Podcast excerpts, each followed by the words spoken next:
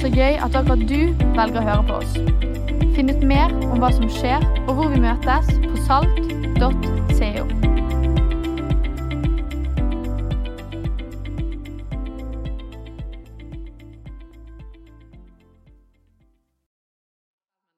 Du, Så utrolig fint å være her.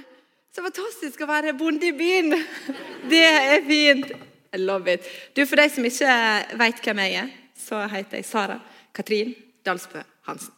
Da har du det. Eh, og For sju år siden så flytta vi til Voss for å være pastorer der. Og For sju år siden så bestemte vi oss for Da satt jeg og snakket med min mann Vegard, og så var vi sånn Skal vi gjøre det? Og så landa vi at vi, vi, må liksom, vi må lande for oss sjøl at da gjør vi det for ti år. Jeg vet ikke hvor du er hen i livet nå, om du syns ti år er lenge. Men jeg husker når vi landa, vi skal være der i ti år. Og jeg tenkte vi skal være til vi dør. Så, sånn er det. Men nå, er det snart, nå har det gått sju år, og det er snart gått ti år. Og det blir iallfall sju år til. Det er fantastisk å være på Voss. Det, så hvis du ikke har tenkt å bo i Bergen, men har lyst til å flytte til en fin plass, så er Voss eh, fantastisk. Men før jeg flytta til Voss, så bodde jeg åtte år i Bergen. Og det òg er en fantastisk plass å være. Så jeg føler det jo litt som å komme hjem når jeg kommer til Bergen. Hvis jeg, hvis jeg skulle bodd i en by, så hadde jeg valgt eh, Bergen uten tvil. Og så skal jeg ta det med enda litt til. Før det igjen. Før jeg flytta til Bergen, så vokste jeg opp på Stad. Og nå skjønner du at du er på vei til å bli med meg tilbake til min barndom og til min oppvekst. På Stad, ytterst ute på den nakne halvøy der ute i havgapet der er det noen bønder som klamrer seg fast. Det er altså så langt vest som du kan komme i Norge, bare for å sette Stad på kartet. Helt uti der. Det betyr at alt været som er ute i havet, det treffer land akkurat der. Så der er noen som klamrer seg fast. Jeg er vokst opp på en gård med sauer og med hester. Fantastisk eh, liv. Og På et eller annet tidspunkt så bestemte mamma og pappa seg for at vi må bygge ut. Vi må ha flere sauer. Vi må bygge ny fjøs. Og Når du skal bygge ny fjøs, så må du eh, først må du grave ut tomta. Og Det kan ikke være hvor som helst. Du kan ikke liksom bare ta en random plass og grave ut et tomt. Men du må finne en plass som ikke er for masse myr, ikke for masse jord, ikke for masse andre greier. Og så må du grave vekk til du kommer ned til fjell. Og Nå kjenner jeg, nå skal jeg bare inn på et fag, så skal jeg gå litt bort. Var ikke du tømrer? Står jeg her, så får jeg litt sånn eh, For etter at du har gravd ut tomta, så, du, så begynner du liksom å skal lage grunnmuren. Og da må du lage forskaling. Eh, sant? ja. Og det er, sånn som, det er sånn du bygger opp for å ha støypen eller sementen oppi. Og Når du skal den oppi der, så må du ha noe som heter armeringsjern, som gjør at sementen blir sterkere. Jeg får fortsatt nikk, det er bra. Eh, for at den skal virkelig tåle Og da det betydde at vi gikk ned i den tomta. En fjøs er ganske stor. altså Forum er stort òg, men en fjøs er ganske stort. Så det er et stort areal som vi måtte gå og binde armeringsjern. Og Da gikk vi med sånn her ståltråd. Hadde gjort det noen gang? Tvinna ståltråd. Vi gikk til det blødde i fingrene. Og alle i familien gikk sånn. Klarte ikke å rett. Vi gikk også benda på den der armeringsjernet, og jeg gikk sammen. Stort sett så var det meg og min bror og min far og min farfar som gikk ned i tomta. Vi gikk der i dagevis. Og jeg tenkte Er det dette jeg skal bruke livet mitt på? Var det dette, var dette alt? Og stå der og binde. Og jeg blir, kommer til et punkt der jeg begynner å bli jeg blir surere og surere for hver time som går. Så kan vi finne på noe annet enn å stå her og binde harmoningsjern. Så meg og min bror vi blir litt oppgitt av at vi skal stå her på hodet nede i den tomta. Men det som skjer med min far og min farfar, det er at jo, mer, jo lenger tida går, jo flere sånne tvinner vi får gjort, jo, jo mer smiler de, og jo mer fornøyd er de med det som blir gjort. For de har jo levd der ute på Stad eh, noen år. Og de vet at det kommer en tid der dette skal prøves. Der denne stormen kommer inn fra havet, eller der orkanen står på. Og da kommer vi til å være så glad for det vi har gjort. Så de syns det sto til, det vi holdt på med nede i tomta. Og det kom jo en dag der den orkanen kom. Jeg var hjemme på, på Stad, jeg hadde flytta vekk, men jeg kom hjem for å være der på nyttår. Og jeg husker Vi skulle opp i fjøsen for å se til dyra på kvelden og gi dem mat. og sånn. Og Da sto jeg bak min far, min far fremst og meg, og så min bror bak. Og vi sto i gangdøra ute i gangen, og han sto og gløtta ut på døra. Og bare en liten parentes, Min far er ikke så veldig pysete. for å si det sånn. Han er over 100 kg og har vært ute mange vinternetter. og Han bruker ikke å være så forsiktig på ting. Men denne ettermiddagen eller kvelden her, så står han snikser ut den lille gløtta på døra. Så står han og venter, for akkurat når han åpna, så var det ei vindråse som kom. Og Da er det orkan liksom ute i hagen der. Så han står og venter til den byen har lagt seg litt. Og så springer vi. Og jeg sprang for livet. Jeg bare tenkte, Hvis jeg mister han nå, så fyker jeg til fjells. Og jeg bare å, Aldri. Jeg må, kan ikke miste han. Så vi kom oss opp til fjøsen før det kom en ny by, og inn på kontoret der og tenkte jeg overlevde iallfall så langt. Og Så går vi videre inn, og så er det en dør som går inn til forumet. Det er liksom der fjøsene altså Maten til dyra er der, og så der du gir det ut. Så Så et stort rom. Så gjør han det samme en gang til. Gløtter han inn døra. Så tenker jeg, Du har aldri stått og gløtta på dører før. Hva er det som skjer her? Men når vi gløtter inn den døra, så ser vi de store låvedørene. Og de er ganske store. De er liksom kjempestore.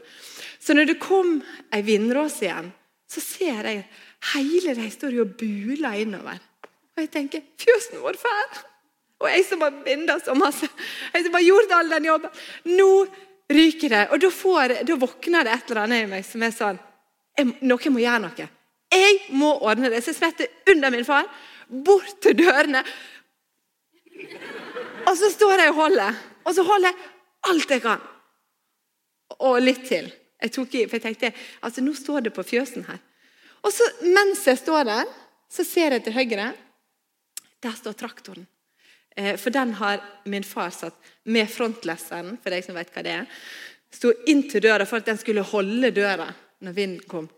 Så, stod, så ser jeg til høyre, og der står hele traktoren og gynger når byer kommer.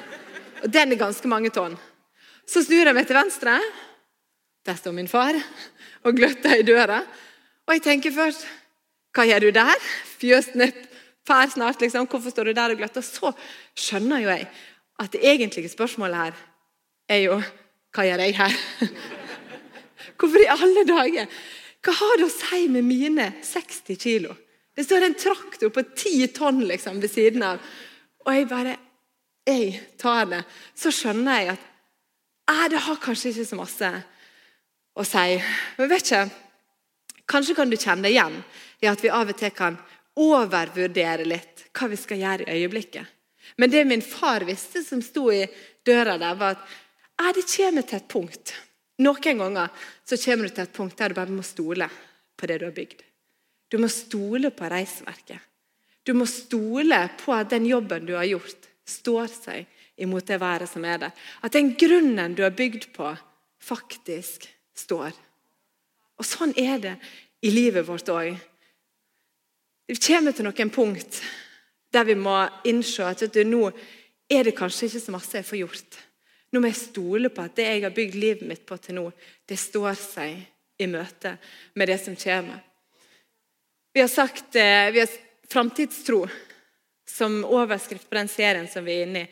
Og Det er eh, generasjon Z, som vi kaller det, som vokste opp, som er det som er født mellom 1997 og 2012. Som er en veldig definert gruppe. Men jeg, jeg tror det smitter mer oppover og nedover enn kanskje vi tenker. Men det er den første generasjonen etter andre verdenskrig som vokste opp med der en faktisk er usikker. Jeg er usikker på om det jeg står på, om den grunnen jeg står på, holder seg i møte med framtida. Jeg er litt usikker på om det reisverket jeg har bygd livet mitt på, holder i møte med finanskrise eller pandemi eller, eller den mentale helsa som vi ser, eller krig. Jeg er usikker på om Det er en hel generasjon som vokser opp og lurer på holder det, det som jeg står på. Og Jeg har så lyst i dag til å snakke om hvordan vi, hvordan jeg og du kan få lov å bygge liv som står stødig på fjell, med et reisverk som holder når det står på. Og Hvis du har med din bibel, så kan du få lov å være med meg til Matteus kapittel 7. Jesus han har nettopp begynt sin gjerning. Han har så vidt egentlig begynt å forkynne om Guds rike. og Han har begynt å undervise folk og han har begynt å helbrede mennesker som han møter på. Og så skjer det som alltid skjer med Jesus, som vi stadig vekk ser når vi leser om han, det at det samler seg en folkemengde rundt han. Og Så ser Jesus den folkemengden, og så står det at han trekker seg litt opp i fjellet. Og så er det hans nærmeste som kommer og setter seg tett innpå. Og så er det samtidig en folkemengde som hører ved siden av. Men måten Matteus har skrevet om det på, viser at det Jesus nå skal si, det er noe som han formidler fra hjertet til sine nærmeste, og som alle de andre òg får med seg. Og så har Jesus der bergpreika, som den blir kalla. Og den varer jo i tre kapittel. Og nå tenkte jeg at vi, vi, skal ikke lese alle de tre kapitlene her akkurat nå. Men jeg har lyst til å ta det med til slutten av det Jesus sier i bergpreika. For der sier han noe om hvorfor han har sagt det som han har sagt. Og Vi leser fra vers 24. Den som hører disse ordene mine og gjør det de sier, likner en klok mann som bygde huset sitt på fjell. Regnet silte, elvene fløymde, og vindene bles og slo mot huset. Men det falt ikke, for det var tufta på fjell. Men den som hører disse ordene mine og ikke gjør det de sier, likner en uforstandig mann som bygde huset sitt på sand. Regnet silte, elvene fløymde, og vindene bles og slo mot huset. Da falt det, og fallet var stort. Når Jesus avslutta sin tale, så er det som han sier Grunnen til at jeg har sagt det som jeg har sagt, grunnen til at jeg har holdt den talen, er for at dere skal ha muligheten til å bygge livet av dere på fjell og få lov å kjenne at dere står stødig. Derfor så hadde Jesus denne talen til sine nærmeste da. Og Det er òg det han ønsker å si til oss i dag. Og jeg har lyst til å snakke om det. Hva betyr det for våre liv? da? Hvordan ser det ut for oss å bygge livet vårt på fjell? I den første setninga i teksten vår så, så står det 'Den som hører disse ordene mine' Jesus er ganske tydelig på at de ordene som han har delt, det er jo ikke bare ord eller ting som er fine å tenke på, eller fine fraser som vi kan trøste oss med. Men jeg sier det er substans i det. De ordene som jeg har delt, har jeg gitt dere for at dere skal kunne bygge livet deres på det. Han er tydelig på at det er noe mer enn bare en tanke. I Salme 119, 105 så står det Ditt ord er en lykt for min fot og et lys for min sti. Når Jesus peker på sine ord, så mener han bare akkurat det som han har sagt. Men Jesus blir jo kalla Ordet. Det er det samme, det som Jesus deler, og den som han er, og det som Guds ord sier. Og Poenget er at den boka her er jo ikke forelda og for gammel, men den har noe den ønsker å formidle til våre liv. Den har noe den vil fortelle til oss. Den ønsker å kaste lys på den stien som ligger foran oss. Og Når Jesus sier den første setningen her, så legger vi også merke til at han sier den som hører disse ordene, og gjør etter dem. For klokskapen er det som Jesus sier. Den som er en klok eh, byggmester, er den som hører det, men som òg gjør etter det. Eugene Peterson, som har skrevet The Message-oversettelsen, han har formulert det sånn som det her. If you work these words into your life. Klokskapen er jo å la de ordene òg få rom og få plass i våre liv. At ikke det bare er ord vi hører, men at det òg faktisk blir en del av vår hverdag. En del av måten som vi lever på. Og så kan jo det kanskje være litt sånn fremmed og nesten litt rart i vår tid å snakke om at vi skal ha en autoritet i livet. For vi vil jo bestemme sjøl. Vi vil jo være autonome, og vi vil jo på en måte ha våre egne meninger om ting. Jeg har gjort en ganske interessant observasjon av meg sjøl. Eh, vi har pussa opp huset. Og det er jo litt sånn, Vi kjøpte hus for eh, fire-fem år siden. Og Da har du et behov for å gjøre det til ditt eget. Kom inn der, liksom. Her ser det gammelt ut. Vi, vi, må jo på en måte gjøre det til vårt eget. Så Vi har pussa opp kjøkkenet, og i sommer så pussa vi opp gangen. Og Jeg er superfornøyd. Åpner opp, det er lysere, det er rene og glatte flater. og jeg liksom bare, Det er jo fantastisk.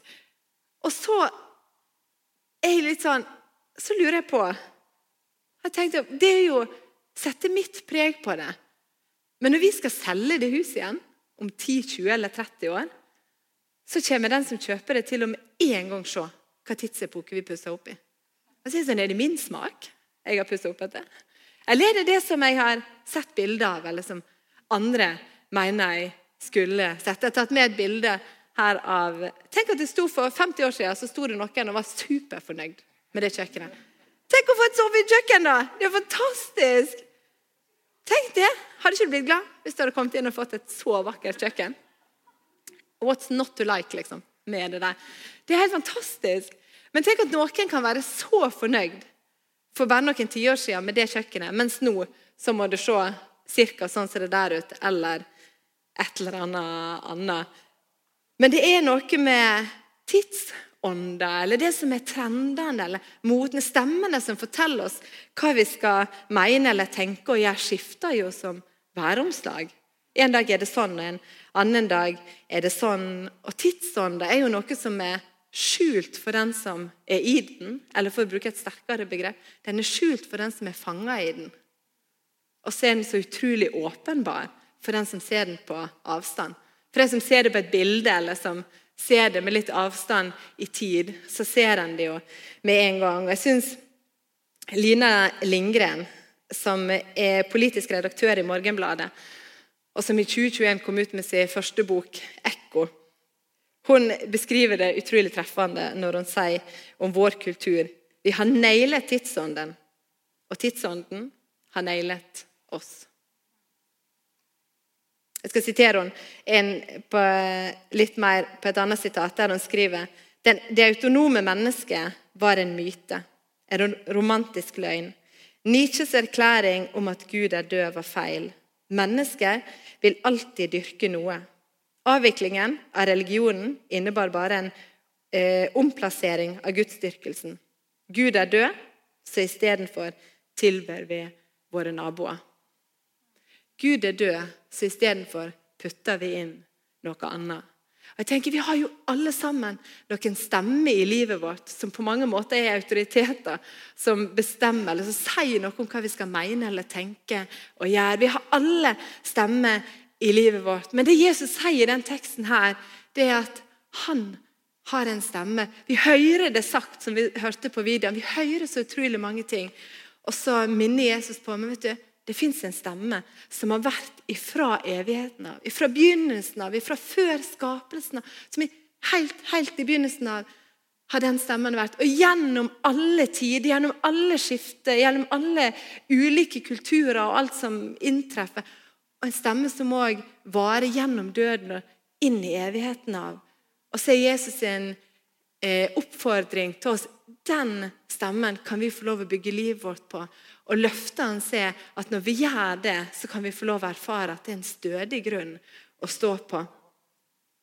Og Jeg har lyst til å gi oss tre enkle måter på ja, men Hvordan ser det ut for oss i dag da, å bygge livet vårt på fjell?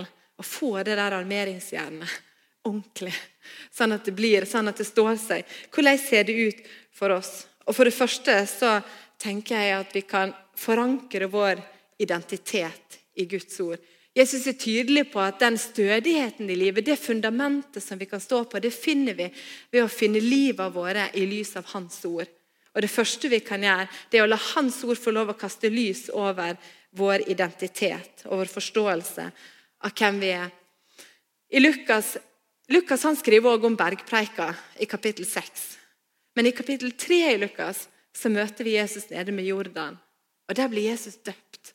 Og Der står det at Den hellige ande kommer som ei due over ham. Og så lyder det en stemme fra himmelen over Jesus mens han står der. Du er sønnen min, som jeg elsker. I deg har jeg min glede. Og det, Den setninga der, den, Jesus, den, stemmen som Jesus fikk over livet sitt, der, det blir utgangspunktet for all hans videre gjerning. Den identiteten som han fikk av sin far når han sto der, som ble talt over livet hans, den ble utgangspunktet for alt som han gjorde videre. I vår tid så blir vi fortalt at nei, hvis du skal finne svaret på hvem du er, hvis du skal finne identiteten din, virkelig vite hvem du er, ja, da må du zoome inn på deg sjøl, og så må du innover i deg sjøl. Og så blir vi fortalt at Jo mer vi ser på vårt eget speilbilde, jo klarere blir det for oss hvem vi er. For En stund tilbake så kom jeg over en artikkel på NRK som, der jeg skrev om overtenking. Det er utrolig mange av oss som sliter med overtenking.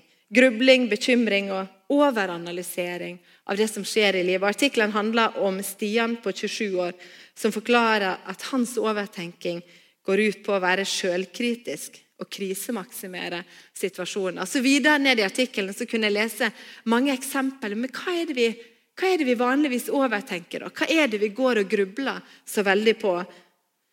Og Da er det June på 25. Jeg overtenker ofte om folk egentlig liker meg. Ida på 25. Jeg overtenker ting angående hvordan andre tenker om meg. Edot på 23. Jeg overtenker hva jeg sier og gjør rundt nye folk. Tuva på 22. Jeg overtenker mest om jeg er bra nok for venner, familie eller for typen. Og så tenker jeg Det virker som at vi står og stirrer inn i speilet og leter etter svar, men det vi får tilbake, er jo bare så altfor mange flere spørsmål. Ja, men hvem er jeg egentlig, da? Er jeg bra nok? Og så kjenner vi på alle spørsmålene. La meg låne et sitat til fra Lina Lindgren, som skriver det sånn som det her. At man kan finne seg selv i seg selv, er livsløgnen til det vestlige gjennomsnittmennesket. Vi tror fullt og fast på autonomi, selv om den er satt i masseproduksjon. Vær deg selv, skap deg selv, elsk deg selv. Be yourself. Think different. Grandios livsvisdom som egentlig er eksistensielle umuligheter, ettersom ingen av oss er seg selv uten andre. Vet du, Jesus som var Guds sønn, Jesus som var Gud, vet du, han fant ikke sin identitet i seg sjøl. Han så ikke sitt eget speilbilde. Han løfta blikket mot himmelen, og så fikk han det talt over livet sitt fra sin himmelske far. Og så fant han en identitet som han kunne stå stødig på. Der, og vet du, Jeg tror vi òg kan få lov å finne en stødig identitet for livet vårt. Ikke med å se i våre egne speilbilder, men med å speile oss i Hans ord og med Hans fortelling. Vet du, Den boka her forteller oss at nei, nei, nei, det er ikke når vi zoomer inn og innover i oss sjøl at vi finner det solide svaret på hvem vi er. Men det er når vi zoomer ut, og når vi tør å zoome nok ut til å se våre liv i lys av den store fortellinga. Løfte blikket mot himmelen og ta imot det som han taler over våre liv, så er det der vi finner en stødig identitet. Der finner vi oss som elska, som skapt, med en hensikt. Vi, kan òg få lov å løfte blikket og få den samme identiteten og stødigheten over det som Jesus fikk over sitt liv. For det andre så kan vi la Guds ord få lov til å kaste lys over de helt faktiske og praktiske tingene eller valgene som vi tar i hverdagen. Jesus utfordrer oss på at det ikke bare er de som hører ordene, men de som òg gjør etter dem. Det som work these words into your life. Det som gir det rom og plass i livet. Det er det faktisk viser seg i vår hverdag. Jeg har lest at Gjennomsnittlig så tar vi 35 000 valg per dag. Jeg tror de fleste av oss er enige i at mange av dem skjer ganske ubevisst. Jeg gjør iallfall ikke 35 000 bevisste valg i løpet av en dag. Jeg håper egentlig ikke at du heller gjør det. Det er mange ting som går av seg sjøl. Men av og til, og mange valg bør gå av seg sjøl, men noen valg bør vi kanskje av og til stoppe opp og tenke gjennom. Ja, men hva vil jeg egentlig velge her? Jeg har lyst til å låne litt eh, visdom fra Paul Otto Brunstad, som er teolog, forfatter og feltprest. Og Han skriver om modenhet. Et modent menneske. Hva er det som, som eh, karakteriserer det? Og så skriver han det sånn som det. Modenhet vil være kjennetegnet av en forsinkelse mellom følelse og handling. Dette er noe av kjernen i impulskontroll. En utsetter en reaksjon som presser seg på, og denne utsettelsen åpner et rom for frihet til å velge bedre. Og så skriver han en annen plass Ventetid mellom behov og behovstilfredsstillelse åpner et rom for etisk refleksjon. Vi hører så utrolig mange stemmer. Det er så utrolig masse som mener noe om hva vi burde skulle gjøre. Men det er å av og til legge inn en pause, et lite stoppunkt. Ja, men La meg tenke meg litt om. Hvorfor vil jeg velge det? Eller hva er det slags verdier som ligger til grunn for det valget som jeg tar? Det var det jeg lærte i tomta i fjøsen der av min far og min farfar. Som var litt sånn Nei, men vi kan, Vi kan sette inn en liten sånn stoppunkt her. En liten ventetid. Hvis vi bare utsetter det som vi har så lyst på akkurat nå, et lite stykke fram i tid, så kommer vi til å høste for det når den nyttårsorkanen kommer. Vi kan ta noen valg her som på lang sikt gir oss stødighet inn i livet og i møte med det som kommer. Jeg har tatt med et bilde av Elisabeth og Brian. Det er to av våre ledere på, på Voss. Og Vi spurte dem når vi skulle flytte, om de hadde lyst til å være med og bygge kirke på Voss. Da var de sju år yngre enn det de er der. Og så var deres første respons ja, men vi skal jo flytte tilbake til Sørlandet. Vi, vi har jo alltid tenkt at vi skal tilbake. Men så svarte de men la oss tenke litt på det. Og så husker jeg Elisabeth sa vi skal be litt over det. Vi skal spørre Gud hva han tenker. Og Så kom de tilbake en stund etterpå og sa de, vi har lyst til å være med. Vi har lyst til å være med på det. Legge inn noen stoppunkt og spørre Gud Kast lys over det valget som jeg skal ta nå. Hva er det du ønsker for livet mitt? Og Hvis du hadde fått muligheten til å spørre Elisabeth og Brian om det, det valget har betydd at livet har gått på skinner etterpå, så hadde de kunnet sagt at det betyr nødvendigvis ikke. Det er ikke sånn at det bare har, da gikk alt sånn som det skulle. For i den lignelsen, eller i det som eh, ikke lignelsen, men det som Jesus sier på slutten av sin tale, så treffer stormen begge husene. Det er ikke sånn at noen av oss er lovt at det ikke kommer utfordringer. Men løftet hans er at den som bygger det på mine ord, den som bygger livet sitt på fjell, skal bli stående gjennom det. Tenk om vi kunne være sånne som la inn noen sånne stoppunkt, noen pausepunkt innimellom. Paul Otto Brunstad er ganske, nesten litt krass når han sier eh, hva slags verdier det samfunnet vårt som vi har nå er bygd opp på. Den velferden vi, og økonomiske eh, veksten som vi opplever, så sier han det kan i stor grad godskrives misunnelse og grådighet. Og så tenker jeg, Tenk om vi av og til kan legge inn noen stoppunkt og tenke over men hva slags verdier er det da som styrer de valgene jeg tar. Hvorfor tar jeg det valget som jeg tar? Vi kan la Guds ord få lov til å kaste lys over de praktiske og konkrete valgene vi tar. Og for det tredje så tenker jeg at Gud kan, Guds ord kan kaste lys over måten vi styrer tida vår på. Jeg har lyst til å være veldig konkret med oss til slutt i dag. Og gi deg et verktøy som heter verdibasert tidsstyring. Og jeg har tatt med livet mitt. Her er livet mitt. Det eh, er litt forenkla, selvfølgelig. Men det ser ca. sånn ut. Sånn ser tida mi ut. Det, og så er det sånn Jeg vet ikke om du kan kjenne det igjen den, eller om du har tenkt over noen gang. Liksom, å herlighet, der var jo plutselig den dagen gått. Hvor ble det den veka? Eller hvor ble det av de sju åra vi har hatt på oss? Det har vært litt innhold i det, da, men, men hvor ble det av den tida? Fordi at livet vårt består av så utrolig mange detaljer. For vi skal eh, på kafé og ta en kaffe, og så må vi pusse tenner, og så må vi dusje, og så er det masse røyk. Og eh, det går så fort i livet at røyken bare står utover. Dette er ekte sand fra Voss. Men det er så mange ting vi skal.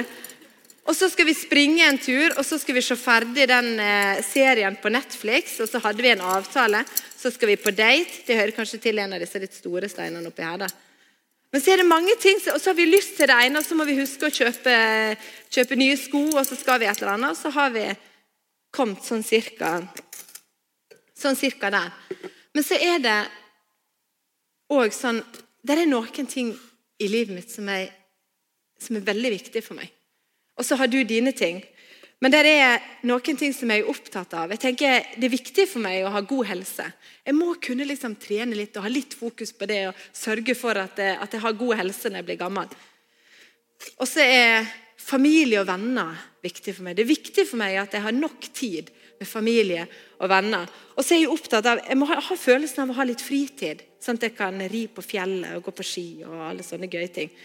Og så har jeg lyst til at kirka skal være viktig. Det der gudslivet, det betyr noe for meg. Og så begynner jeg å få litt problem når jeg skal få plass til alt dette i hverdagen min. For hvordan kan jeg, Og så føles det så For det jeg egentlig har lyst til, og det som er viktig for meg, det er akkurat som jeg får ikke plass til det. Det, det går ikke. Jeg hadde jo så lyst til å få det til, men så ble det så vanskelig. La oss ta det en gang til, så skal du få gullet i det her. Nå blir det røyksky, altså. Det føles nesten som et sånn her eh, Sjekk her. Du, det går an å gjøre det på en annen måte. En kan begynne en kan sette, legge inn et stoppunkt når vi planlegger tida vår. Så kan du begynne med hva er det som er viktig for meg. da? På lang sikt, hva ønsker jeg at skal prege dagene mine? Se tilbake på det året som har vært. eller det året som har vært. Jo, det er viktig for meg med helse. At jeg har nok tid til det. Det er viktig for meg å være til stede for venner og familie. Og få plassert det inn i livet mitt. Og det med kirke, det betyr noe for meg. Jeg legger det inn i kalenderen. Søndagen og det å være på smågrupper. Og så vet ikke om Vet du, det gjennomsnittlige for de som har internett, så bruker vi 6 timer og 24 minutter i døgnet. Jeg tror er færreste av oss ville lagt en sånn stein oppi som hadde det. Men det blir liksom bare fordi det ene tar det andre. Og så har du dine ting som du tenker på at ja, men det der, det er viktig for meg. Sånn ønsker jeg at livet skal være. Og så kan du begynne med det. Og så kan du fylle det med alt dette andre etterpå. Både pusse tenner og dusje og gå til tannlegen og se på Netflix. Og, så kan det hende at du må bare jobbe bitte litt for å planlegge det litt. Og få det til å funke.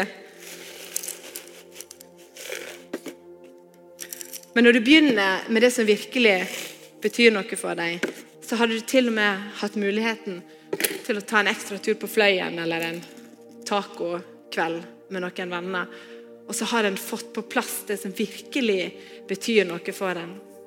Vet du, jeg tror vi kan få lov også i dag å bygge livet våre på fjell. Gjennom å la Guds ord få lov å kaste lys over vår identitet. Få lov å si noe om hvordan vi ser på oss sjøl. Forankre vår identitet i Guds ord. Kan vi få lov å forankre valgene våre ta noen stoppunkt. Legge inn en sånn ventetid innimellom. Ja, men hva vil jeg skal være verdiene som jeg styrer valgene mine etter? Og så kan vi få lov å la Guds ord kaste lys over timeplanen vår. Måten vi gjør tida vår på. Og stoppe opp og bestemme oss hva er det som er viktig for meg. da? Hva vil jeg at skal prege tida mi? Skal vi reise opp sammen? Og så har jeg lyst til å be en bønn for lovsangsteamet leder oss i lovsang. Jesus, jeg har lyst til å takke deg for at du er her. Takk for at du er Gud som er nær våre liv. Og så takker vi deg for det løftet som vi nettopp har lest, om at du har ord til oss som er, som er stødige. Som er fjell å bygge livet våre på.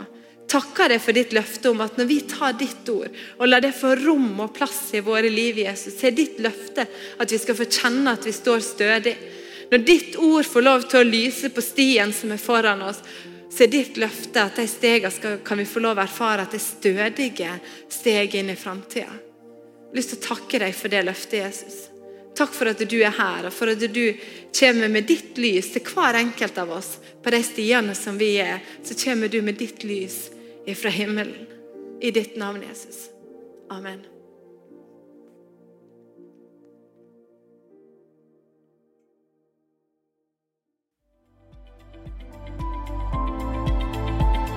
Takk for at du hørte på. Håper vi snakkes enten her eller i kirken neste søndag. Ha en nydelig